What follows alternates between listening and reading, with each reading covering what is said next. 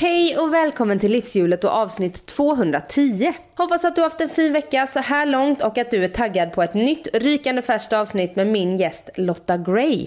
Man ska aldrig intervjua någon man känner, det är ju en regel för oss journalister och den här veckan bryter jag brutalt mot den. Ja, för jag och Lotta lärde känna varandra på röda mattan för mer än 10 år sedan när jag jobbade på Hänt Extra. Lotta jobbade då på Se och Hör som idag heter Hänt i veckan och där är hon fortfarande kvar och jobbar som vimmelreporter. Och för er som inte har så bra koll på Lotta kan jag berätta att hon utöver jobbet som vimmelreporter också är ambassadör för bland annat Läkarmissionen och Cancer Rehabfonden.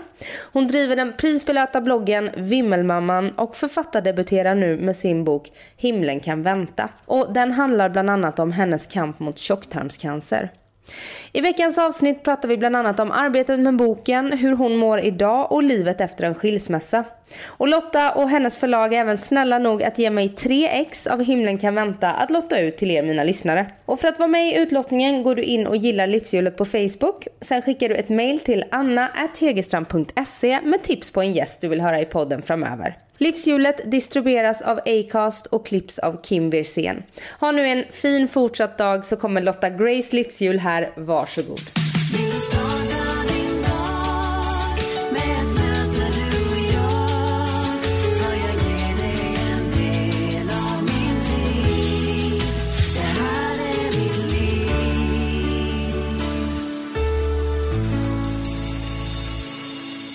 Välkommen till livshjulet Lotta.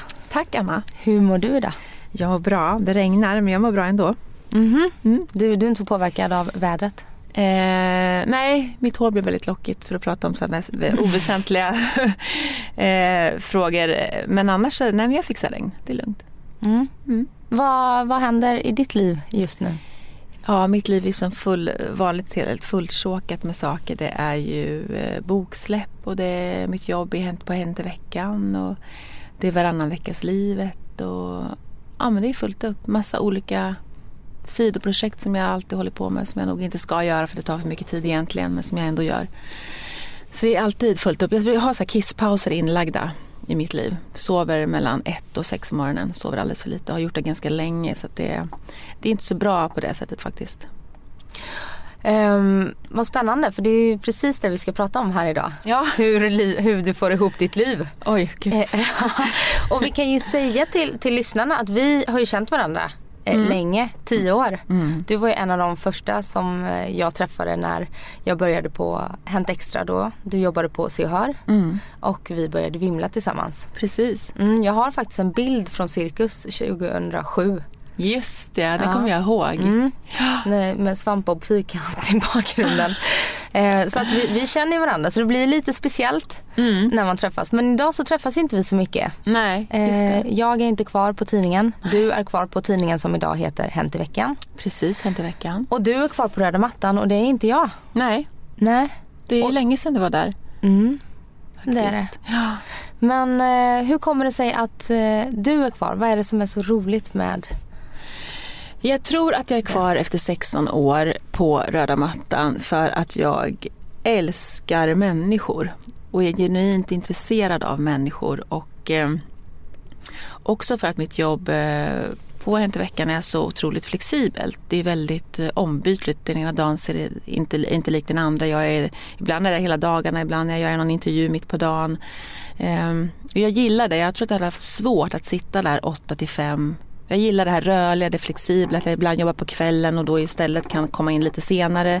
Och jag börjar knaka på stolen. Mm. Um, så jag tror att det är mycket därför och sen så gillar jag människor och är genuint intresserad och sen har jag också fått eh, andra uppgifter där jag skriver längre texter som heter Lotta möter. Um, där man kan få brodera ut sig i text. Uh, och det är ju såklart en utmaning att, att man får utvecklas så.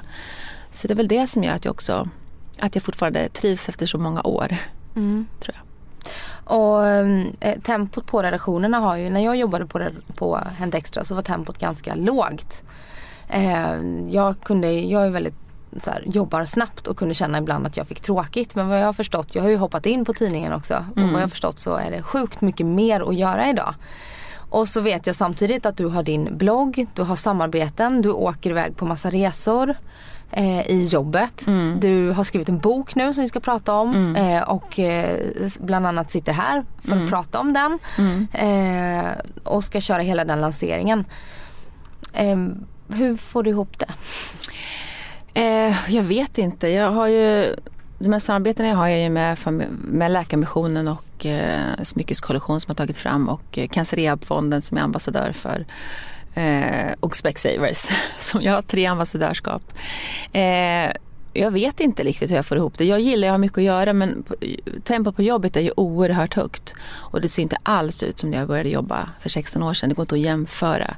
Det är väldigt, väldigt mycket att göra. Eh, och texter ska in och det är högt i tak och vi vill framåt och vi vill utvecklas och vi, vi vill ju bli störst i sänd i Sverige och håller på att bli det. Och det är ju fantastiskt kul tycker jag att eh, att det händer saker på jobbet, för det gör det verkligen. Digitalt menar du då? För ni är väl Digitalt, precis. störst print? Ja, digitalt så, så växer vi lavinartat och är en stor mötesplats idag där man kan hitta kändisnyheter eh, med mycket uppdateringar och, och intressanta saker på, på sajten hent.se. Så det är jättekul.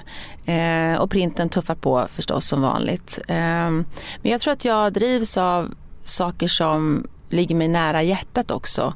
De saker jag gör utanför jobbet har ju oftast att göra med eh, saker som jag brinner för på något sätt. Det är mitt engagemang i Läkarmissionen, mina resor till Afrika med, för att träffa gatubarn och berätta om dem på min blogg. Eh. Så jag tror att, och då brinner man för något som är kul så, så orkar man ju brinna. Det kanske är en myt, jag vet inte, men lite så känns det. Så jag tror att det är därför som jag liksom fixar det. Ja. Och samtidigt så är du mamma. Precis. Ja, åt Lennox som är en 11 nu. Ja, han fyller 12 i oktober. Han fyller 12 i oktober. Ja. Lång 12-åring. Ja, Mm. verkligen. Mm. Eh, och eh, eh, ensamstående mamma, varannan vecka förälder. Precis, eh, Mm. ja, ja, ja, man är alltid mamma, alltid vare sig man har dem Ja, hos sig såklart. såklart. Men eh, han är hos mig varannan vecka, absolut. Mm. Mm. Och jag har ju läst din blogg på Allt för föräldrar. Mm. Eh, följt i, i omgångar. Nu har jag ju också fått barn och det vet ju du att då kanske man inte har tid Nej. att läsa så mycket bloggar Nej. i perioder. Men där har ju du skrivit ganska mycket om varannan vecka-livet. Eh, Mm. och du skriver på ett väldigt berörande sätt. Mm. Som jag tror är en stor del till att din blogg har vuxit. Självklart din historia men, men eh, du skriver väldigt berörande och där blir jag väldigt påverkad när du skriver om den här smärtan att inte få ha sitt barn hela tiden. Mm. När jag blir svinförbannad och känner att min sons pappa kan dra åt helvete så känner jag ju bara så här fast då skickar jag iväg min son varannan vecka också. Ja, så är det ju. Ja, hur förhåller du dig till det idag efter, för ni har varit skilda i Vi två har år? varit skilda i nästan två år eh, och eh, det är en enorm sorg eh, som faktiskt inte går över skulle jag vilja säga. Den har, den har lagt sig lite grann men jag tror att det aldrig kommer att bli, jag kommer aldrig att bli helt igenom lycklig. Jag är helt säker på det. För att det är, det är sån avgrundsdjupt hål att inte ha sitt barn hos sig varje vecka. Och det går att överleva och det funkar och man går på middagar och man skrattar och man gör saker. Men det finns en sorg där hela, hela tiden som är svår att sätta fingret på. Eh, ofta pratar ju folk om att Nej men det är jättebra, du får, du får din egen tid varannan vecka och jag vill ju bara skalla dem. Och nu har det gått två år och jag är fortfarande inte, jag förstår inte vad de pratar om. Det kanske blir om tio år att du frågar mig och jag säger att det, jag tycker att det, det funkar. Det är klart att det funkar, det måste funka. Det skulle inte gå annars men, men jag tycker att det är otroligt eh, tungt att, eh, att inte dela hans, hela hans liv. Jag tycker att det är jätte, jättetungt fortfarande faktiskt. Eh, hur är det med det dåliga samvetet mot honom? Eh, nej men det tycker jag inte är så bra. Jag försöker nog kanske absolut överkompensera när han är hos mig att han får välja vad han vill äta och, och han vill, kan vi äta sushi ikväll? Ja men det kan vi göra. Eh, så att det finns nog en slags överkompensation som jag tror att alla dras med mer eller mindre. Svårt att komma runt den men eh, annars tycker jag nog inte att jag överkompenserar. Men, och sen är det så att han håller på att bli vuxen och håller på att eh, försvinna ifrån mig.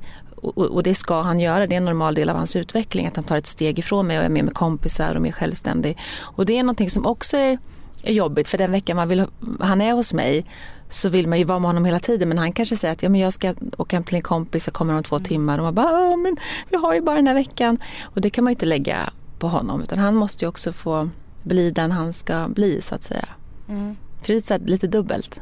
Hur har det påverkat ditt moderskap tror du?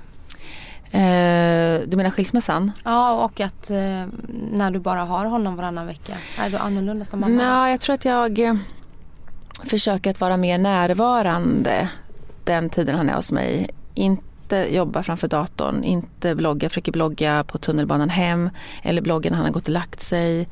Eh, inte sitta så mycket framför datorn, försöka tänka på. Eh, men sen är det så, han är ju som sagt var börjar bli större och vill ju inte liksom sitta i knät på mig. Han vill vara i sitt rum och pula med sina grejer. Och, och, det måste vi också, och vi måste hitta vårat sätt att leva. Vi, vi, det, det här är ju nytt för båda oss. Vi måste hitta våra traditioner och, och vårat fredagsmys, hur det ser ut och våra semestrar och, och, hur vi ska fira midsommar. Allt det här är ju nytt. Det är ju nytt för båda, både honom och mig. Mm. Tycker du att ni har hittat det? Nej, det tycker jag inte. Jag tycker, tror att det kommer ta tid. Eh, man skvalpar runt i någon slags tillvaro fortfarande där man försöker famla liksom lite i mörkret och hitta både varandra och det här nya sättet att leva på. Och jag tror att det tar, tar tid. Jag tror att det tar olika tid för olika människor. Jag läser ofta bloggar ibland om människor, eh, framförallt kvinnor som har skilt sig och har varannan veckas liv och det verkar så enkelt. Jag är så förvånad över det. Att det verkar så och sen är det så att man kanske inte är ärlig på, på bloggen eller på Instagram. Man visar den här bilden av att, att det går bra och att det inte, så kan det vara. Alla är inte som jag som pratar om vilken, att man har mens med tunnelbanevakten. så det är liksom, men jag vet inte, jag tror att det är himla olika hur man tar det. På något sätt det här med att ha sitt barn varannan vecka. Mm. Hur har det påverkat, eller hur har skilsmässan eh, påverkat dig annars då? Ehm, jag tror att eh, det var ett, ett absolut nödvändigt ont att skilja sig och det finns inga som helst eh, ånger över det. Det var en, ett jättebra beslut som, som vi tog båda två eh, och hade pratat om en del innan och sådär så det var förankrat. Men eh, det är en resa och det är en process som jag inte trodde skulle vara så, ta sån tid och vara så omständlig som den är. Jag trodde man skilde sig och sen var det väl liksom bra med det tänkte jag. Men det är ju liksom det är svårt att hitta nytt. Man ska, jag bor i lägenhet, jag har bott i hus i 14 år. Eh, min ekonomi är helt annorlunda. Jag måste förhålla mig till min ekonomi. Den ser annorlunda ut såklart. Eh, jag har varannan veckas livet. Eh, eh, kompisrokaden förändras lite grann. Några försvinner, några kommer till. Jag har precis fyllt 50. De flesta lever i etablerade relationer. Det är svårt att hitta nya vänner i den här åldern. Eh, så det är liksom Ja, men det tar tid. Jag tror att det är en jätteprocess. Någon sa att runt fyra år får man räkna med innan man liksom landar nå någorlunda stadigt efter en, en skilsmässa. Så så är det nog, tror jag. Oj, fyra år, det är lång tid. Ja, typ. Sen är det väl såklart jätteindividuellt men jag tror man måste räkna med att det tar tid att hitta, hitta sig själv igen och stå stadigt på Va, nya ben. Vad har varit det jobbigaste då? Eh, Lennox. Ja, det är ja, att vara utan Lennox eh, har varit det absolut jobbigaste. Eh, och eh, huset, att jag saknar mitt hus och min trädgård så otroligt mycket. Mm. Eh, det, de två sakerna har varit det absolut jobbigaste faktiskt. Och du bodde i villa i Enskede? Precis, villa i Stureby, Enskede. Ja, och mm. idag bor du i lägenhet i Enskede? Ja, i lägenhet i Svedmyra som ligger precis samma område nästan kan man säga. Mm. Mm. Och där trivs du inte så bra då? Nej, jag trivs inte så jättebra i min lägenhet. Och den är jättefin och det är, en, det är liksom en stor fyra och det är inget fel på den. Jag har renoverat den och satt in i ett kök och nya golv och spottar i taket och jag duttar och jag håller på att flytta på grejer. Och, mm. Men det är så jag saknar mitt hus. Att jag ska fundera på att, um, att köpa nytt. Någonting på markplan är min önskan så jag får tillbaka lite av den känslan. Mm, den här trädgården? Ja, gå ut bara. Och det behöver inte vara stort. Det kan vara en liten, liten plätt. Men bara öppna upp dörren och gå ut med sitt kaffe och sätta sig. Det är någonting som jag saknar jättemycket. Mm. Är du uppvuxen i hus också? Mm, jag kommer ifrån, jag var uppvuxen på landet i, utanför Örebro och eh, har bott i hus liksom, ända tills jag flyttade till Stockholm. Så det är också mycket så, det kommer därifrån tror jag. Mm. Visst. Ja, lycka till säger jag med den ja, bostadsmarknaden. Det behövs det där lycka till. Mm. Men jag vet ju också att eh, du har landat i eh, kärleken igen. Mm. Ja, Precis. Och träffat en eh, superhet ja. hunk. ja, det kan jag känna. Jo, den. Ja, han är jättefin. Ja, Jonathan. Ja, Jonathan. Hur träffades ni? Vi träffades eh, via jobbet. Eh, min fotograf Mikael Engström kände Jonathan sedan tidigare. Så det var så vi träffades eh, första gången när han var med honom på lite vimmel. Så det var så vi, vi såg varandra. Mm. Ja, han är jättefin. Var det kärlek vid för, första ögonkastet? Jag tror att jag, ja för mig var det nog ganska mycket kärlek vid första ögonkastet. Jag kände någonting som jag inte har känt på, på väldigt många år när jag såg honom första gången. Och sen så tog det förstås jättelång tid och han är ju då 23 år yngre än mig. Han är 28 eh, och det ställer ju till en del. Eh, Vad ställer det till? Mest för mig, han är helt ointresserad av det. Han är absolut supercool men. Jag är nog mera ängslig för vad folk ska tycka och att de tycker att men gud, herregud, det är inte klokt och du vet allt det här. Att det är jättekonstigt.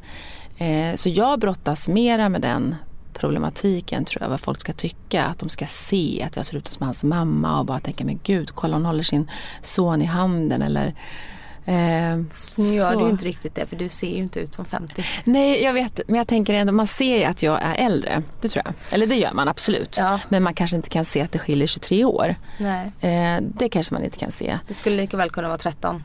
Ja nej men så är det. Mm.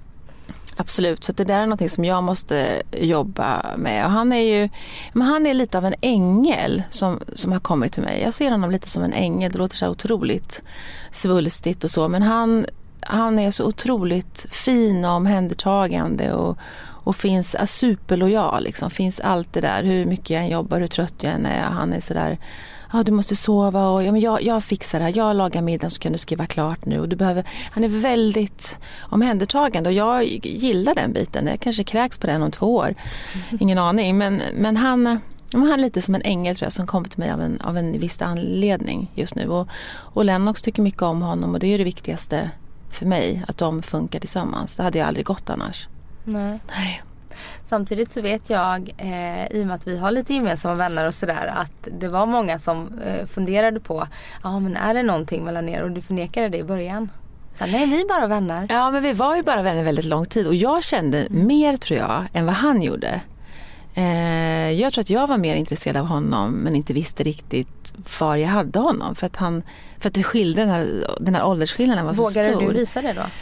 Nej, det vågade jag inte. Men han var den som tog första steget och sa till mig eh, på en fest som vi var på att han inte orkade längre, orkade hålla masken. Eh, och sa att jag tycker så mycket om dig och jag vill att vi försöker ha en relation. Eh, så det var så det började. Så det fanns ju någonting där hela tiden men jag tror att det var jag som var mest på i början. Absolut. Hur märks eh, åldersskillnaden? Oj, den märks på filmval. Framförallt, jag gillar ju tunga svarta dokumentärer och han gillar ju eh, såna tecknade Disneyfilmer.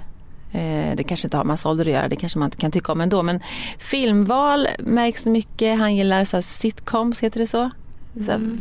Vänner och Friends, såna gamla serier ja. som jag aldrig har sett i hela mitt liv.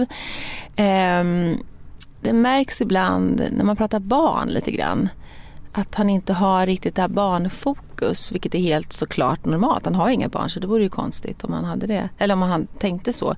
Det är väl där jag kan märka det. Men sen ger han mig ju också helt andra saker som han, han får mig att se på livet på ett helt annat sätt med helt nya ögon och ta sig an saker. För han är så mycket yngre och han säger, men vadå du kan väl göra så här? Jag tänker, men så kan man ju inte göra. Jo men det kan man väl visst det. Och det kan jag gilla med honom. Att han tvingar mig att liksom eh, ta nya ställningstaganden. Det är det som jag tycker väldigt mycket om hos Jonathan. Att han liksom, det sitter inte fast och han ser på världen med, med andra ögon än vad jag gör. Och det gillar jag. Mm. Mm. Får du prata väldigt mycket om att det är en stor åldersskillnad mellan er? Det är ändå ganska så här, eh, hade det varit han som hade varit äldre så hade det ju inte varit de frågorna. Nej, han hade ju aldrig funderat på, nej men nej. kan jag vara tillsammans med en så ung tjej? Nej, nej folk frågar någon gång ibland tror jag de kan nämna det och dels för att de vet om det och det är väl lite som du säger, visste man inte om det så skulle man kanske inte reagera så starkt. Det var 23 år skillnad mellan oss. Eh, jag bokade en resa eh, med Ving nyligen och då så skulle jag, eh, ville hon veta mitt personnummer och då sa jag gamla vi var som skulle åka och då sa hon, men gud det här kan inte stämma, är det verkligen så här? Jag bara, ja, för jag ska liksom med min pojkvän och jag. Och då tyckte hon att det var jättekonstigt och bara tvungen att förklara. Ja. Att det var, det, det, är den här skillnaden. Hon tänkte såhär, nej men det är något fel, du har gett din sons ja, personnummer precis. några år ja, för mycket. För eller? mycket, ja hon frågade om det stod rätt. Nej, jag ska ner och checka in min pojkvän på Bamseklubben. ja. Det var lite knasigt.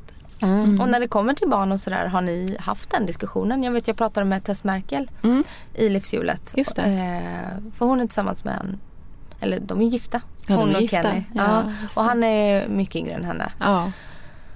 Och då hade hon en lösning på eh, hela den här barnfrågan. Han har inga barn men för henne skulle det inte vara något problem om han eh, får barn med någon annan. Och Nej, just att det. ta in det barnet i... Det är otroligt generöst. Men det är väl lite test Mm. tänker jag som är eh, stort hjärta. Mm, Så. Verkligen. Eh, Jonathan säger till mig att han har valt bort barn och det är ju också väldigt jag kan ju inte, eller jag är 50 år så det blir inga mer barn för mig och så är det ju. Eh, och han tror jag resonerar så att, att han, han har valt bort barn och jag kan ju tycka att det, att det är jättesynd att han, att han säger så eller tänker så för jag tänker du måste få barn i ditt liv och då säger han att men så kan man inte säga, man kan leva ett väldigt lyckligt och väldigt bra liv utan barn. Eh, vilket man naturligtvis kan såklart. Eh, så att det är väl så han resonerar liksom, just nu, att han tänker så kring det hela. För jag, kom, jag kan ju inte skaffa barn. Det gör jag ju aldrig, jag är ju för gammal. Så är det ju. Finns det en oro att han om tre år eller fem år ska komma på att jo, men jag vill visst ha barn? Nej, det finns inte. Jag är så här bara glad och tacksam att han finns i mitt liv just nu. Och jag kan inte liksom... Nej, jag skulle ha så stor kärlek till honom alltid vad som än händer. Så då skulle jag bara säga att jag förstår. Tror jag. Alltså jag skulle bli jätteledsen förstås. För att det skulle betyda att han skulle lämna mig. Men eh, nej. Nej, jag, jag, jag tror att jag älskar honom på ett sätt som är så här på alla sätt, inte bara på det här begränsande vi är ihop sättet utan liksom större än så. Så jag skulle nog bara bli oerhört glad på något sätt och som sagt ledsen såklart också men nej men han, ja jag vet inte, svårt. Mm. Mm. Tror du att din förmåga att kunna älska honom på det sättet har att göra med vad du har gått igenom och dina erfarenheter? Ja, kanske. Kanske att, eh, att eh, den här cancerdiagnosen ändå har gjort en lite mer sådär ödmjuk inför livet och, och mer förstående hoppas man ju någonstans. Eh, och att det lilla livet har blivit det stora livet som jag ofta brukar prata om. Att man inte behöver så stora uttryck liksom. Att det räcker ganska bra med en filmkväll eller en pizza eller att det liksom behöver inte vara så sulsigt och stort längre. Lite så, tänker jag. Det är inte så att du eh, ofta stannar kvar när du har jobbat på röda mattan och käkar kycklingspett? Nej, Och jag, gå på bio. nej, nej, oftast så eh, Eh, går jag hem. Alltså när jag känner att jag har gjort mitt jobb och fått de sakerna jag behöver få, få så hänger jag sällan kvar bara för att hänga kvar. Liksom. Det gjorde jag mycket när jag var yngre. Och det kan jag göra ibland. Jag kan gå på en bio och jag kan stanna kvar på, på någon, någon fest och sådär. Men eh, nej, ofta. Jag har jobbat så himla länge så man vill liksom, man vill hem faktiskt. När man känner att man har gjort det man, det man ska. Mm. Och så nu så är du aktuell med din första bok Mm. som heter Himlen kan vänta. Mm. Kan inte du berätta eh, för de som inte känner till din historia Mm. eh, Eh, vad boken bygger på? Boken handlar ju om, boken är ju en, eh, alltså självbiografi tycker jag låter så otroligt, eh, jag vet inte, jag är inte så förtjust i det där namnet. Det är väl mer en livsresa skulle jag vilja säga, eh, som börjar när jag är sex år gammal och slutar i november nu. Så den täcker liksom hela mitt liv. Ja, du skrev klart boken i november. Ja, jag skrev sista raderna i november. Mm. Eh, så den bygger på hela mitt liv och den innefattar ju allt. Liksom, min resa till Stockholm, varför jag, började, varför jag flyttade hit, vad jag gjorde de här första åren, eh, hur jag träffade Träst, eh, mitt engagemang i Läkarmissionen, mitt jobb. Så den har ju jättemycket olika sidor den här boken förstås. Men jag har ju främst skrivit den här boken för att kunna liksom stötta andra tror jag som dels har varit sjuka och dels anhöriga men också människor som står inför stora förändringar i sitt liv och att det går att börja om vid 50 eh, eh, på en ny plats i livet. Och att det är, jag ser det mer som en, som en inspirationsresa. Jag gillar ju att skriva om tillkortakommanden. Eh, jag tror att det hjälper väldigt många när vi blottar oss och när vi vågar vara nakna för då ser man att att man delar universala känslor. För det gör vi allihopa men ofta försöker vi gömma dem genom glassiga bilder eller Eh, och, så jag tror att man blir väldigt oerhört stärkt när man ser att andra går igenom samma sak och säger jaha men gud så här är det för henne också. Men känner hon också som jag? Jag tror att det finns något starkt i det. Så det är min tanke med boken. Att eh, stärka andra som är i samma situation. Och också människor som har haft en, en cancerdiagnos Mm. förstås. Du drabbades av tjocktarmscancer. Mm, 2008 drabbades jag av tjocktarmscancer. Ja. Så det är länge sedan. Ja. Jag kommer ihåg det. Gjorde du? Ja. Jag hade varit på, iväg på semester. Jaha. Jag hade bara jobbat inte ens ett år på Hänt Extra då. Så kommer jag ihåg att, eh, jag vet inte vem det var som berättade det. Men, och det här var, du skulle in på en vanlig, nej du fick ont i magen. Jag fick ont i magen, precis. Jag hade ont i magen ungefär i kanske två veckor. Mm. Och sen jättekonstig magsmärta som kom och gick. eh, Och så ringde jag till eh, sjukvårdsupplysningen och de sa att jag skulle dricka Proviva nyponsoppa. Så jag drack ju jättemycket Proviva nyponsoppa. Och sen så på första maj 2008 så eskalerade det här väldigt kraftigt på natten där så att jag var tvungen att eh, gå ner och kräkas i källaren och kräktes så konstigt mörkt kräk som var så blod, jag vet inte om det var blod men det var väldigt mörkt i alla fall. Hoppas inga, inga lyssnare är känsliga. Och sen åkte jag in med ambulansen till Södersjukhuset och där man upptäckte den här tjocktarmscancern. Så Men inte direkt va? Nej, jag låg inne i fyra dagar och så, oper- eller så röntgade man mig för att upptäcka den här tumören som satt som en liten clementin högt upp i tjocktarmen. Mm. Och då hade den växt sig så stor, en cancercell är ju från början är ju bara en cell. Så då kan man räkna ut att den har varit där ungefär i kanske två och ett halvt år. Någonstans kan man se på storleken. Och när du tänker tillbaka, finns det någonting som du, eller har du, kan du liksom dra dig till minnes att, ja just det, jag hade ju ont i magen då eller? Nej, jag var jättefrisk. Jag hade inga... Nej, det, den här smärtan kom ju väldigt... Eh, ja, den kom bara. Och den, den var inte lik någon annan smärta jag hade haft tidigare. Den var, jag kände inte igen den riktigt. Det var en väldigt märklig smärta. Och det var ju för att det blev stopp i tarmen. Ingen mat och ingen vätska passerade. Den, den, tumören satt precis så ingenting kunde komma förbi den. Så det blev som ett tarmvred. Och det tarmvredet sa ju till, vilket var ju fantastiskt bra, att det, tarm, att det blev stopp. För hade det inte blivit stopp, då hade den här tumören kunnat växa i tysthet. Och förstås gjort ännu större skada. Eh, för så är det med cancer. Desto längre du bär på en cancer, desto mindre chans till bot är det ju oftast. Och att bära på cancern i två och ett halvt år då, som du misstänker att du har gjort. Mm. Är det eh, länge? Eh, jag vet inte om man kan säga länge. Den, den spreds ju genom tarmväggen in till levern som ligger vägg i vägg. Eh, så jag fick en spridning till levern vilket är det värsta scenariot man kan tänka sig. Eh, så man opererade min lever 2009. Först tog man bort 80 centimeter av tjocktarmen så jag har 20 centimeter kvar. Och sen upptäckte man att cancern hade spridit sig till levern och då gjorde man en leverresektion som det så fint heter. Och då tar man bort stora delar av levern. Eh, jag hade fyra metastaser i levern. Eh, och efter det fick jag cellgifter i sex månader.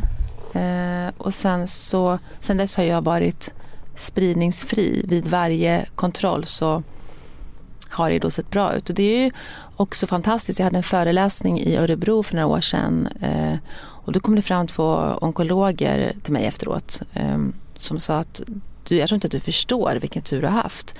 För alltså när det går till levern så pass så är det liksom, det är inte så bra scenario. Nu ska inte jag sitta här och skrämma upp, skrä- skrämma upp människor som har fått en spridning till sin lever att man inte kan överleva, för det kan man ju uppenbarligen. Jag sitter ju Ja. här. Men det är ju liksom, när det går till levern så är det ju inte så bra eh, förstås. Så jag tror att jag har haft en otrolig tur. Och blev friskförklarad 2012. Och sen dess har jag gått på mina kontroller och det ser ju, alltså det finns ju inget återfall någonstans. Eh, tjocktarmen är jag inte lika stressad över att det ska komma tillbaka. Utan det är ju levern som jag är rädd att det ska bli ett återfall i just levern. Och nu, du har varit fri nu i hur många år sa du? Alltså 2012 blev jag friskförklarad så det är ju ett tag sedan nu. Ja. Ja. Och eh, vad är liksom, är, är din rädsla, minskar den med tiden eller är den konstant? Eller Nej, den du? är liksom, jag tänker att jag tänker på cancer kanske 60 gånger om dagen nu. Istället för då när jag var sjuk och gick på cellgifter. Då tänkte jag på den hela, hela tiden, varenda sekund. Så nu tänker jag på den mindre men det, den är fortfarande väldigt, väldigt närvarande hos mig. Att jag tänker att men varför skulle jag klara mig? Det är klart att jag kommer få ett återfall. Vad är tanken att jag ska klara mig? Eh, och det är lite som att ha en sten i skon, brukar jag prata om. Att man kan ha en sten i skon och det går bra att gå och det funkar. Mm. Eh, men det, det är någonting som finns där hela tiden som nöter och gnager och skaver. Och man pallar att gå, man behöver inte ta av sig skorna. Men någonting som hela tiden är så här, ah, lite så skulle jag vilja förklara att den här oron är hela tiden. Hur påverkar den ditt liv? Eh, tyvärr så att den påverkar mig negativt. För jag tänker också att när man har fått livet tillbaka så är det ett väldigt tråkigt liv om man då ska gå och oroa sig resten av sitt liv och så får man aldrig något återfall utan man lever lycklig och blir påkörd av en buss när man är 85 år. Mm. Och har då gått och oroat sig i onödan. Så det handlar, utmaningen tror jag med oss cancerpatienter är att leva livet när vi väl har fått det tillbaka, att leva det till fullo. Men det är också väldigt svårt för att man bär på den här otroliga rädslan som också gör att livet blir lite mer gråskaligt. Mm. Det, är väl, det, är väl det, det, är en jättestor utmaning i det där, hur, att hitta liksom, försöka att inte tänka på det. Hur jobbar du med den utmaningen? Jag, jag jobbar inte med den rent konkret. Jag tror att jag gör det som jag alltid har gjort. Jag bara kör på. Alltså jag är en väldigt mycket doer av mig. Jag är inte mycket för att lägga mig i sängen och liksom utan jag gör det jag ska göra. Fyller dagarna med grejer jag gillar. Jag tror att det är det som är det bästa. Och vara MLN också liksom. Ja. Har du tagit hjälp av någon terapeut eller gått och pratat med någon? Ja, men jag har gått till olika terapeuter men det är svårt att hitta någon när man är cancerpatient för det blir så... Det är en rädsla som är väldigt reell. Den är ju verkligen på riktigt, det är inte någon inbillad rädsla utan det är en rädsla som är väldigt svår att hantera för den finns ju där och den är ju på riktigt och man kan inte liksom förringa den på något sätt. Om man är rädd för spindlar så kan man liksom komma runt det på något sätt eller rädd för att flyga tänker jag. Men med risken att en rädsla för ett återfall är en annan typ av rädsla. Mm. Att jag har haft svårt att hitta terapeuter som liksom kan hjälpa mig. Någon sa till mig att när de här tankarna kommer så titta på himlen och sen så tittar du på ett moln och försöker tänka att problemet är som ett moln som drar förbi. Fast det går ju inte riktigt. Mm. Det är väldigt svårt att förhålla sig. Så jag har nog inte hittat någon och jag går inte någon just nu. Jag har gått i olika omgångar och inte riktigt hittat rätt. Så skulle jag väl nog vilja säga. Mm. Mm. Kan du uppleva att eh, den här oron tränger bort annan oro?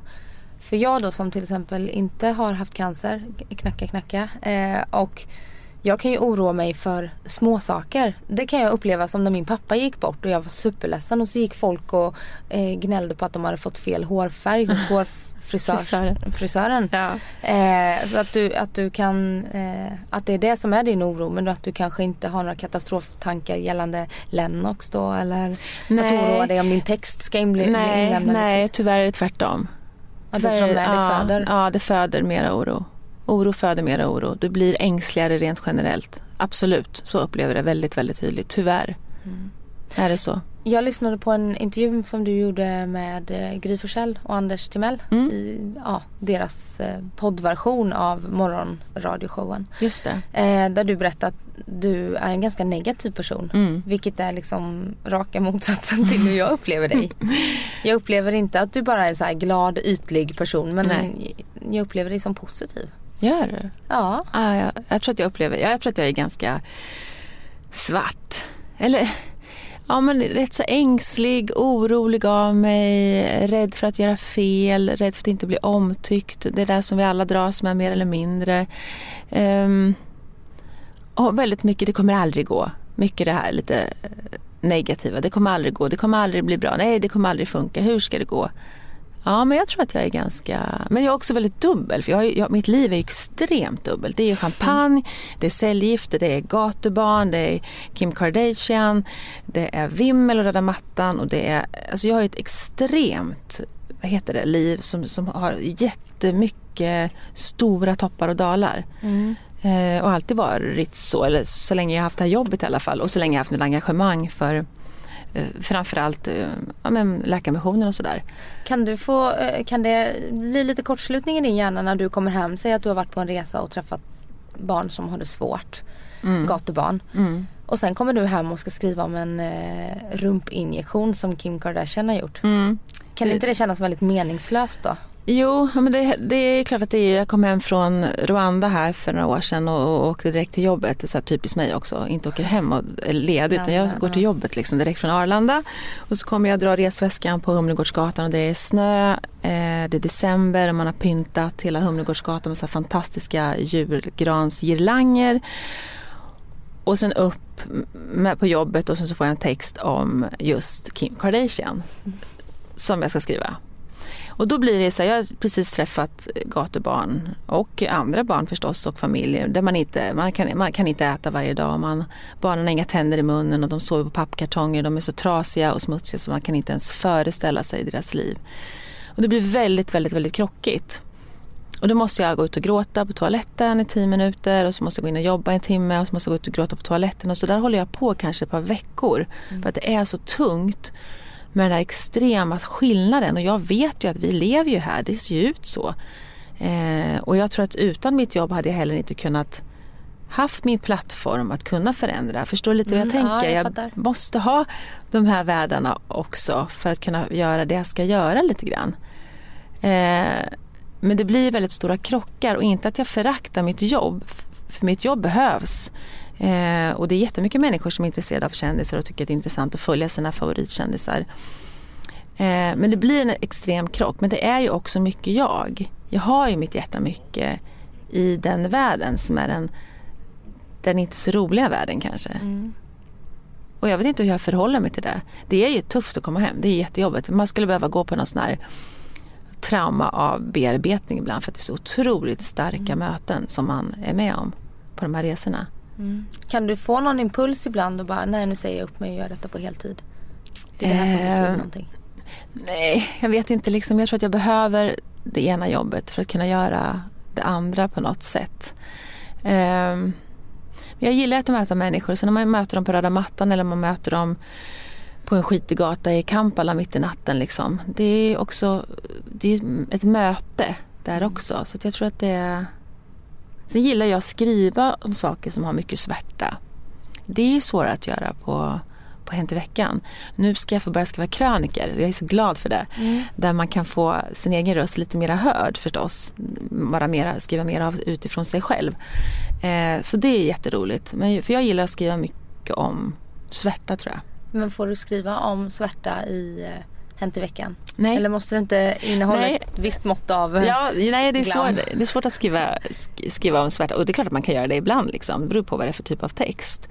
Men eh, däremot så har jag min blogg då sedan tio år tillbaka där jag kan få liksom Den, den kan vara väldigt svart. Den kan vara väldigt svart, mm. ja exakt. Eh, så där får jag utlopp. Och jag älskar ju blogga. Jag har ju bloggat varje dag i tio års tid. Eh, och jag har faktiskt ingen aning om hur många besökare det är. Jag är ganska ointresserad av det för att jag skriver varje dag.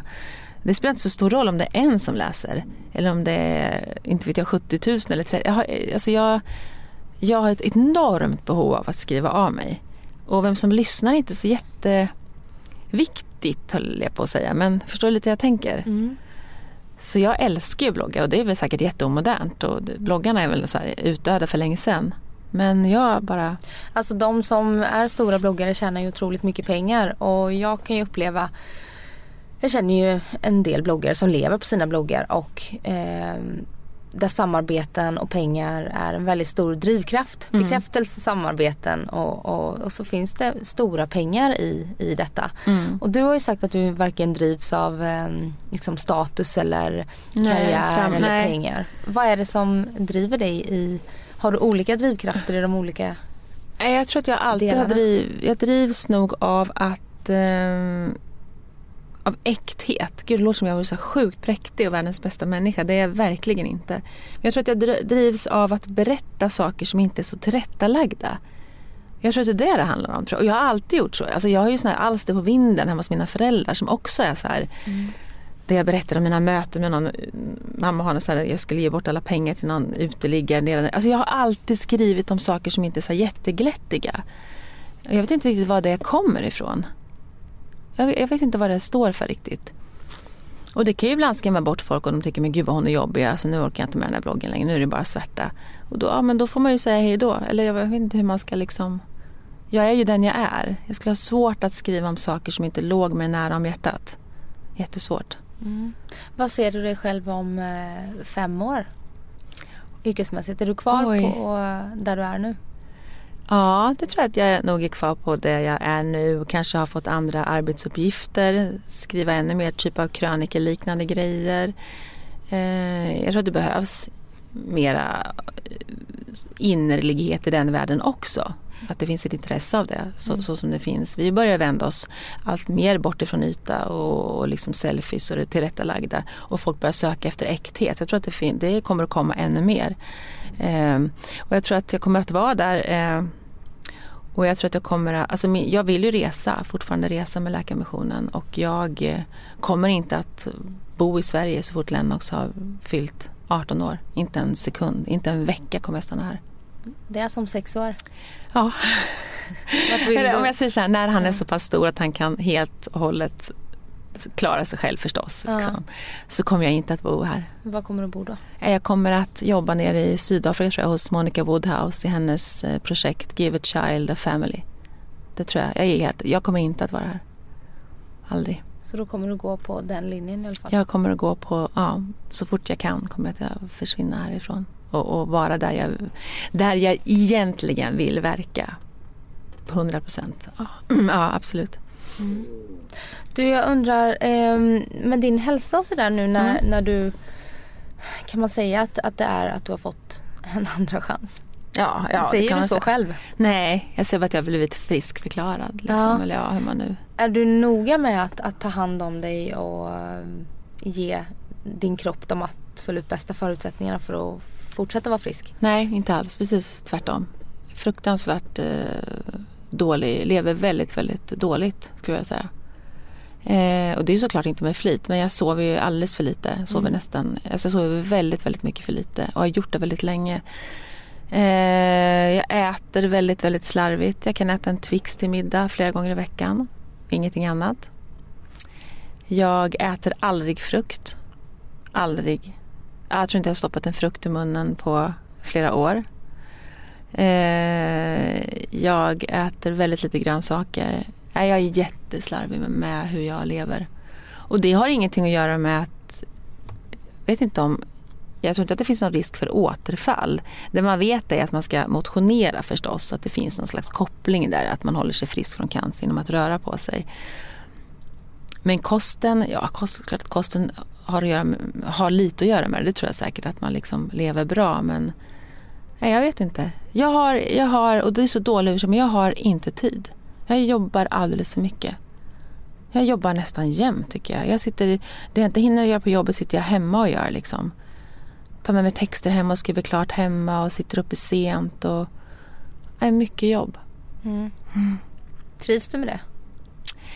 Jag trivs eh, och jag gillar att mycket att göra men ibland när det blir så mycket att man börjar liksom tappa det. Man, börjar, man glömmer att, att höra av sig till folk.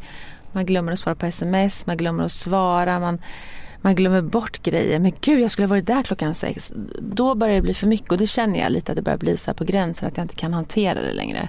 Att jag inte liksom klarar av det riktigt. Eh, så det är något som jag måste ta tag i, verkligen. Mm. Stressar du också då över det?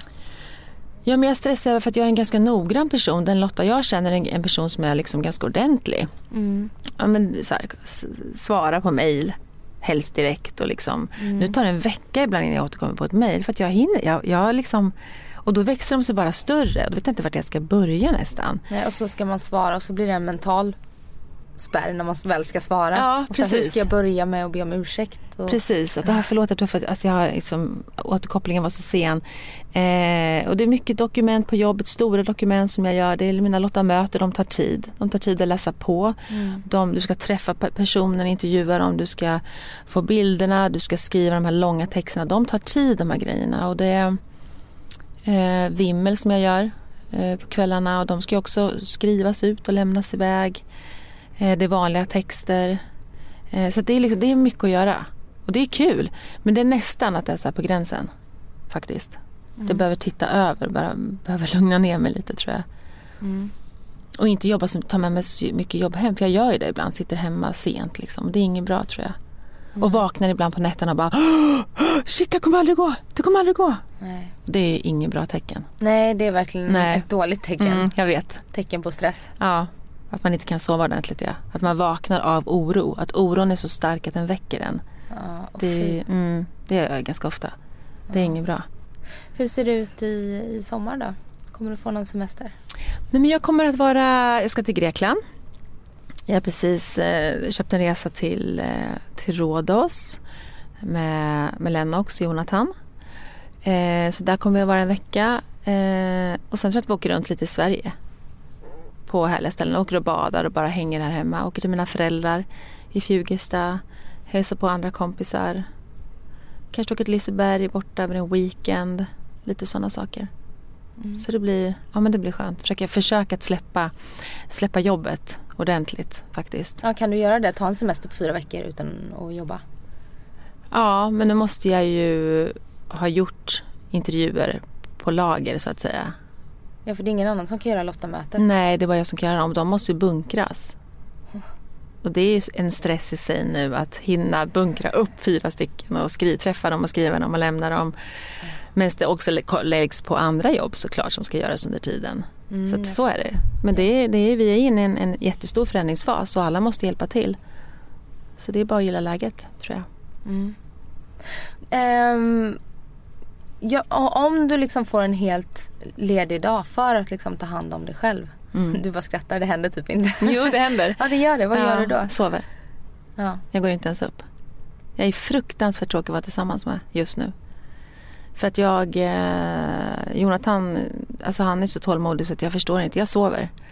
Alltså de helgerna jag inte har Lennox, alltså varannan helg, mm.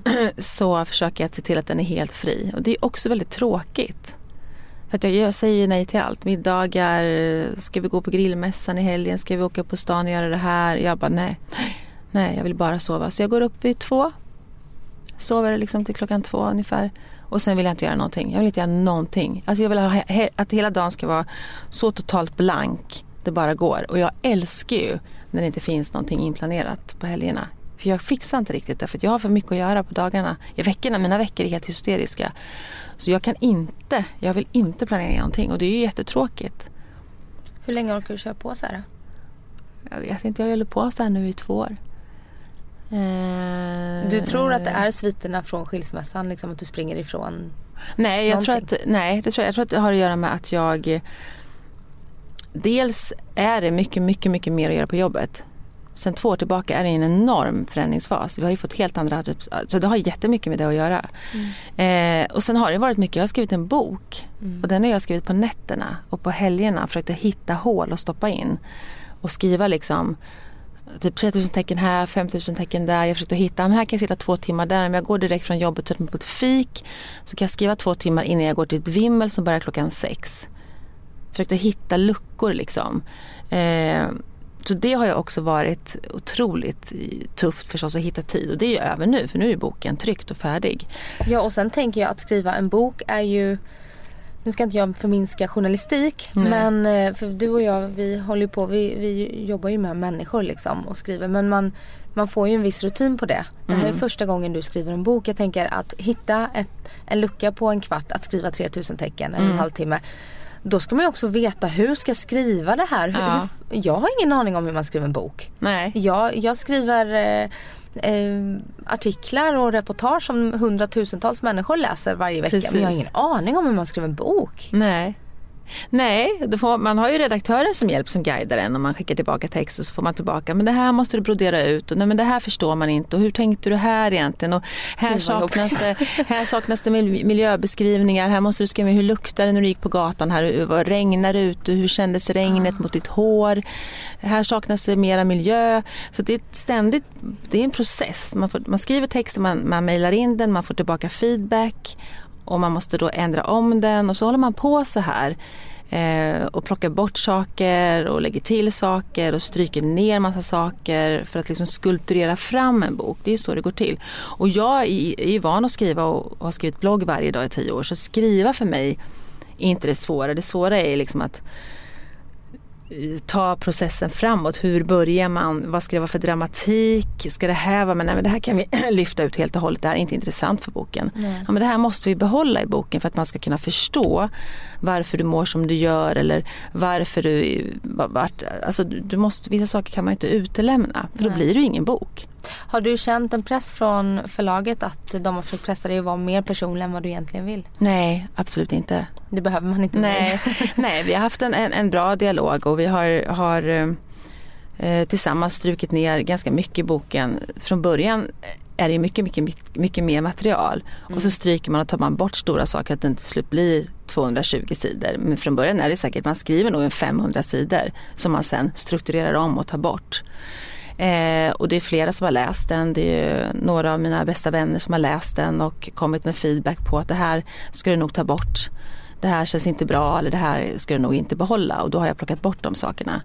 Så att det, vi har haft flera människor som har läst den i omgångar och redaktörer har läst den och bearbetat den. Och, eh, så att det är liksom, jag känner mig väldigt, väldigt trygg med boken och är väldigt stolt över den och har liksom skrivit den noga avvägt. Jag kan inte säga att den är skriven på något sätt i någon sån här skilsmässoaffekt överhuvudtaget. Jag är väldigt samlad när jag skriver. Jag skriver sällan i, ah, nu ska jag skriva det här. Mm. Nej, det är inte riktigt jag.